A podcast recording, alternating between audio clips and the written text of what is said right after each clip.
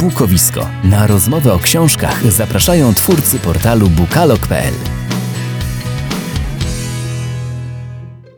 Halo, halo, dobry wieczór, albo też dzień dobry. Witamy Was w kolejnym odcinku podcastu Bukowisko. Przy mikrofonach jak zawsze Jerzy Bandel. i Maciej Januchowski. Witamy Was w kolejnym tygodniu, w którym przygotowaliśmy dla Was masę dobrych książek i wiadomości, niestety niekoniecznie dobrych. Mamy zatem nadzieję, że to, co Wam dziś przekażemy, trafi do Waszych serc i umysłów. Wiem, że to było bardzo poetyckie, ale powiemy Wam o fajnych książkach po prostu. Także nie przedłużając, zaczynajmy. Zaczynamy niestety od smutnych wiadomości. Poeta, dramaturg Jarosław Marek Rymkiewicz zmarł w czwartek w wieku 86 lat. Poinformował w sobotę na Facebooku jego syn Wawrzyniec Rymkiewicz. Jarosław Marek Rymkiewicz urodził się 13 lipca 1935 roku w Warszawie w rodzinie prozaika Władysława Szulca, pochodzenia niemiecko-polskiego i lekarki Hanny z Baranowskich herbu Tuchan pochodzenia tatarsko-niemieckiego. W 1957 roku wydał swój pierwszy tomik wierszy Konwencje. Swój program poetycki oparł na klasycyzmie rozumianym jako odwołanie się do tradycji literackiej, zwłaszcza barokowej, a sformułował go w pracy Czym jest klasycyzm? Manifesty poetyckie z 1967 roku. Potem ukazały się takie tomiki jak Człowiek z głową Jastrzębia, Metafizyka i Co to jest drost. Rymkiewicz jako autor dramatyczny debiutował pod koniec lat 50. XX wieku na łamach miesięcznika Dialog dwiema imitacjami dramatów antycznych Eurydyka, czyli Każdy umiera jak mu wygodniej i Odys w Berdyczowie. Minister Kultury i Dziedzictwa Narodowego Piotr Gliński w 2016 roku wyróżnił Rymkiewicza za całokształt twórczości jako eseistę, dramaturga i autora m.in. tomu Zachód Słońca w Milanówku. W tym też roku pisarz otrzymał nagrodę imienia Lecha Kaczyńskiego. W wieku 77 lat zmarła również pisarka Maria Nurowska. Wywodziła się z rodziny szlacheckiej w czasie II wojny światowej zaangażowanej w działalność w Armii Krajowej. Debiutowała w 1974 roku na łamach miesięcznika Literatura. W tym samym roku ukończyła filologię polską i słowiańską na Uniwersytecie Warszawskim. W 1975 roku ukazał się pierwszy tom jej opowiadań. Najbardziej znane powieści to Hiszpańskie oczy, Rosyjski kochanek, Miłośnica, Sprawa Niny S., Nakarmić wilki i Mój przyjaciel zdrajca o pułkowniku Ryszardzie Kuklińskim i generale Władysławie Andersie. Jej książki przetłumaczono na 16 języków, była członkiem Stowarzyszenia Pisarzy Polskich. Ruszyło głosowanie w plebiscycie Olśnienia, czyli Nagrody Kulturalnej Onetu i Miasta Kraków. Wśród dziewięciu kategorii jest też literatura. W niej nominowani są Agnieszka Gajewska za książkę Wypędzony z Wysokiego Zamku, Andrzej Stasiuk za książkę Przewóz, Jakub Żulczyk za książkę Informacja zwrotna. Głosowanie odbywa się na stronie olśnienia.onet.pl. Zwycięzców poznamy 4 marca podczas uroczystości wręczenia nagród w ICE Kraków Congress Center. Uroczystość będzie transmitowana w Onecie oraz na platformie Play Kraków. Z danego Krajowego Rejestru Długów wynika, że na koniec 2021 roku odnotowano 163 księgarnie zadłużone na 12 milionów i 100 tysięcy złotych. To blisko 10% rynku, bo w Polsce jest ich już tylko ponad 1700. Średnie zadłużenie wynosi 74 424 zł, choć są regiony w kraju, jak na przykład województwo mazowieckie, gdzie przeciętny dług to już prawie 255 tysięcy złotych, poinformowała Rzeczpospolita. Polska nie robi na razie nic, by pomagać księgarzom, choćby w zakresie ochrony cen nowych tytułów. To doskonale funkcjonuje we Francji, Niemczech czy Włoszech. Te kraje i tak wprowadzają kolejne mechanizmy chroniące rynek i edukują obywateli, a u nas nic się nie dzieje. Tymczasem sklepy internetowe też już walczą ze sobą na ceny. Taka strategia jest dla księgarni wyniszczająca, komentuje Sonia Draga, prezes Polskiej Izby Książki na łamach dziennika. Jak wyliczono, najwięcej księgarze są winni innym firmom z branży handlowej i hurtowniom. To kwota sięgająca 7 milionów złotych. Aż 2 miliony 100 tysięcy złotych księgarze są winni wydawcom. Według danych Krajowego Rejestru Długów zadłużenie wydawców wynosi ponad 4 miliony 400 tysięcy złotych.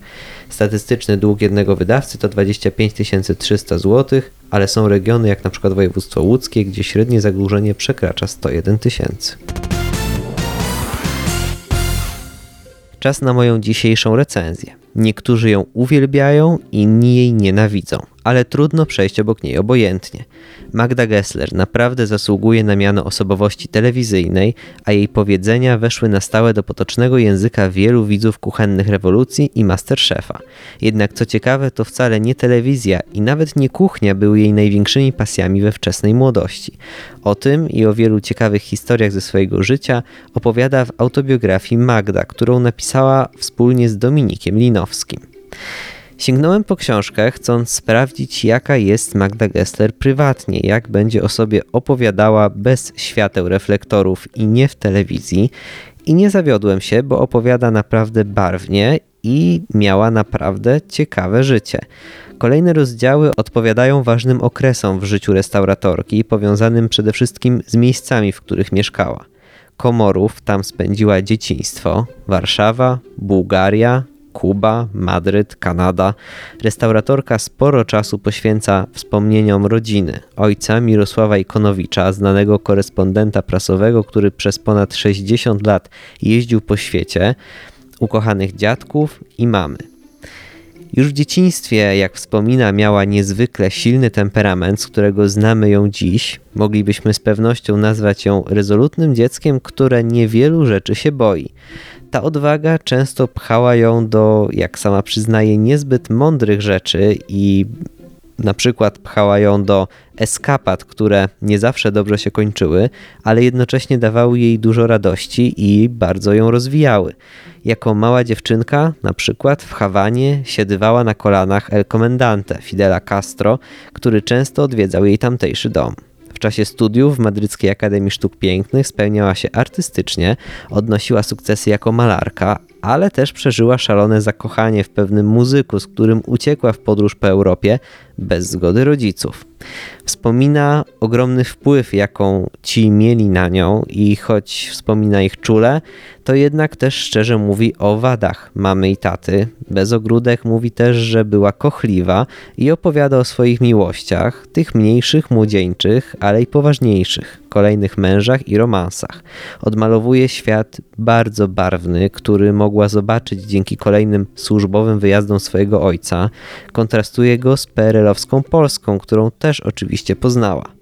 Gessler oprócz Fidela Castro znała mnóstwo ciekawych postaci, które przewijają się na kartach tej książki. Ryszarda Kapuścińskiego, Tadeusza Kantora czy Tadeusza Różewicza, żeby wymienić choć kilku. Natomiast w swoich restauracjach gościła wiele znanych osobistości, głów państw, chociażby w autobiografii nie mogło zabraknąć dobrej kuchni. Zwiedzamy więc z Magdą Gessler pełen wspaniałych owoców targ w Sofii. Dowiadujemy się, jaką zupę pokochała w Madrycie, jakie potrawy zapamiętała z rodzinnego domu i czego nauczyła ją niania w Bułgarii. Jeśli oglądacie kuchenne rewolucje, wiecie, że wszystko to wywarło na nią wielki wpływ. Jej książka pozwala nam dowiedzieć się choć w części, dlaczego Gessler jest teraz taka, jaką ją znamy z telewizji. Autorka szczerze mówi też o trudnych doświadczeniach, śmierci bliskich, wyzwaniach zawodowych i twórczych i zdradza tajemnicę swojego sukcesu. Wyciągać naukę z tych wszystkich, nawet gorzkich doświadczeń. Mi książka naprawdę się podobała. To sympatyczne spotkanie z restauratorką, w którym opowiada o świecie już nieistniejącym. Kto z nas może przecież powiedzieć, że zna świetnie zakamarki komunistycznej Sofii, Hawanę czasów Fidela Castro albo artystyczną bohemę Madrytu z ubiegłego wieku? Właśnie się zastanawiałem nad tym, czy w książce są poruszone te trudniejsze relacje z rodzicami, bo wielokrotnie o nich mówiła w wywiadach i, e, i w pewnym momencie przestała chyba i dlatego też się zastanawiałem, czy tutaj próbowała jakoś złagodzić ten, te nieprzyjemne sytuacje. Z tego, co możemy przeczytać w książce, to darzyła ich ogromną miłością, a przynajmniej tak się wydaje, e, i wspomina wiele dobrych chwil, które przeżyła z rodzicami, ale jednocześnie tak, wspomina też te gorzkie, wspomina, że wychowywali ją w bardzo tradycyjny sposób. Długo bronili jej na przykład spotkań ze znajomymi, prywatek, pierwszych miłości. Wspomina też, że niejednokrotnie ciężko jej było, kiedy była przerzucana z miejsca na miejsce na świecie, bo cała rodzina musiała być tam, gdzie w danym momencie pracował jej ojciec, więc po prostu stawiał ich przed faktem dokonanym i musiała zmienić to szkołę to wyjechać na studia e, i porzucić swoją wielką miłość i przyszłego męża, tylko dlatego, że ojciec, no właśnie w tym momencie tak chciał. E, wspomina też różne niezbyt przyjemne sytuacje, ocenia mm, na przykład swojego ojca, który notabene jeszcze żyje i jak e, sama mówi o wielu rzeczach pewnie dowie się dopiero z książki, jako osobę, która właśnie czasem stawiała ich przed faktem dokonanym, wydawała pieniądze, e, żeby kupić na przykład wymarzony samochód, zostawiając żonę bez środków do życia, więc pojawiają się tam też takie sytuacje. Też dobrze pamiętam z tych wywiadów, że mówiła o tym, że rodzice bardzo często traktowali ją jako głupszą od, od swojego brata. To też się pojawia w tej książce? Nie, głupszą, mniej inteligentną, bardziej roztrzepaną. Na to specjalnie nie trafiłem. Bardziej roztrzypaną może tak, ale myślę, że ona się z tym zgadza i pada tam takie zdanie, że on na pewno był e, bardzo ogarnięty. E, ale też na przykład, e, o ile jej kazali wyjechać ze sobą do Madrytu na studia, o tyle jemu, mimo że był młodszy, pozwolili zostać w Polsce z ukochaną dziewczyną, więc no, traktowali ich na pewno trochę inaczej. Czy dużo pojawia się w tej książce wspomnień z, kuchennych rewolucji, które przeprowadza, czy to jest bardziej prywatne życie Magdy Gessler? Myślę, że zdecydowanie bardziej prywatne i w ogóle większą część książki, ponad połowę zajmują te starsze czasy, jej dzieciństwo, młodość e, i właśnie studia w Madrycie, a te późniejsze dotyczące już pracy w Polsce, pracy w telewizji są e, znacznie krócej opisane. No i też Magda Gessler bardziej się tam skupia powiedzmy na życiu prywatnym, w sensie miłościach, związkach, wyzwaniach takich artystycznych, swojej karierze malarskiej, niż e, no i restauratorskiej oczywiście, niż telewizyjnej, z której ją pewnie najlepiej znamy. No właśnie a propos kariery restauratorskiej, to wspomina też o tym, jak powstawała sieć y, restauracji pod y, szyldem Gessler, bo mm, kiedyś też powiedziała w jednym z wywiadów, że, że to tak naprawdę dzięki niej rodzina Gesslerów stała się znana jako rodzina restauratorska. Mm, Trochę wspomina, sporo czasu poświęca w jednym rozdziale w ogóle mm, swojemu mężowi, Piotrowi Gesslerowi. E, No i właśnie tam też opowiada mm, o tym, jak razem prowadzili te restauracje i właśnie jakich gości między innymi tam przyjmowali. No i opowiada też o swoim chyba najważniejszym dziecku, czyli restauracji u Fukiera. Także na ten temat też trochę tam znajdziemy informacji. A jak traktuje swojego byłego męża? Dosyć dobrze? Którego? No, Gesslera. No oba już nie żyją. Ale w sensie, jak go opisuje, to że te relacje były y, jakie, kiedy się rozstawali na przykład. No, opowiada o tym, że były bardzo trudne, dlatego że rozstawali się ym, właściwie no trochę w niezgodzie. To znaczy, to było takie y, rozstanie po cichu, w którym y, bardzo się od siebie oddalili i tak naprawdę łączyło ich tylko wspólne dziecko, E, a ona też zakochała się w kimś innym i, i po prostu to małżeństwo się rozpadło. E, Ale też mówi o tym, że do dzisiaj do końca nie wie, jak Piotr Gessler do tego podchodził i był bardzo skryty w tym temacie, także, także po prostu to się trochę rozeszło po kościach. Już więcej cię nie dopytuję, bo tak dużo powiedzieliśmy. Jeżeli jesteście oczywiście zainteresowani, to zapraszamy was do tego, żeby sięgnąć do lektury. Powiedzieliśmy sporo, ale autobiografia skrywa sporo, sporo więcej ciekawych historii, o których nie powiedziałem, a te wszystkie smaczki i rzeczy związane między innymi z kuchnią pozostawiamy do odkrycia Wam. Poza tym warto się spieszyć, bo Magda Gessler ostatnio zapowiedziała, że będzie jeszcze druga część, więc będzie na pewno dużo do czytania. No właśnie jestem ciekaw, co tam będzie, bo tutaj właściwie opisuje całe swoje życie, więc być może znajdziemy tam właśnie więcej na temat bardziej współczesnych czasów i może więcej na temat kuchni. To ode mnie jeszcze dzisiaj zapowiedź i powrót noblistki. Ten rok chyba naprawdę będzie rokiem wielkich powrotów. Tym razem chodzi o Toni Morrison. Co najmniej trzy jej książki w nowych przekładach Kai Gucio wyda w najbliższych miesiącach wydawnictwo poznańskie. Pierwsza z nich, Najbardziej niebieskie oko, ukaże się już 9 marca.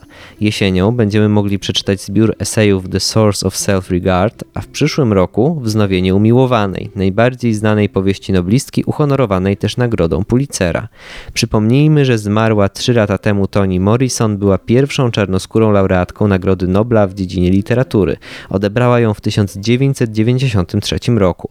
W uzasadnieniu jury zaznaczyło, że w powieściach charakteryzujących się siłą wizji literackiej i poetyckich wartości Morrison przedstawia najważniejsze problemy amerykańskiej rzeczywistości. Myślę jednak, że nie tylko amerykańskiej, i nie tylko y, tamtych czasów, więc dobrze, że jej twórczość zostanie dziś przypomniana w Polsce. To ja się nagadałem, a teraz powiedz, co ty przygotowałeś. Ja przygotowałem książkę, o której tak naprawdę mogłem powiedzieć już z miesiąc temu, ale jakoś tak odsuwałem ją, w sumie nawet no, nie do końca ją przeczytałem, ale też y, dlatego, że zająłem się innymi książkami, które zresztą już zostały omówione, czy to w podcaście, czy y, w audycji. A mowa o książce Umami, opowieści i przepisy, której to książki autorką jest Joanna Brodzik, znana i pewnie przez niektórych ceniona mm, aktorka telewizyjna, teatralna, która gdzieś tam w mainstreamie już trochę zaginęła. Krótko mówiąc, Magda M.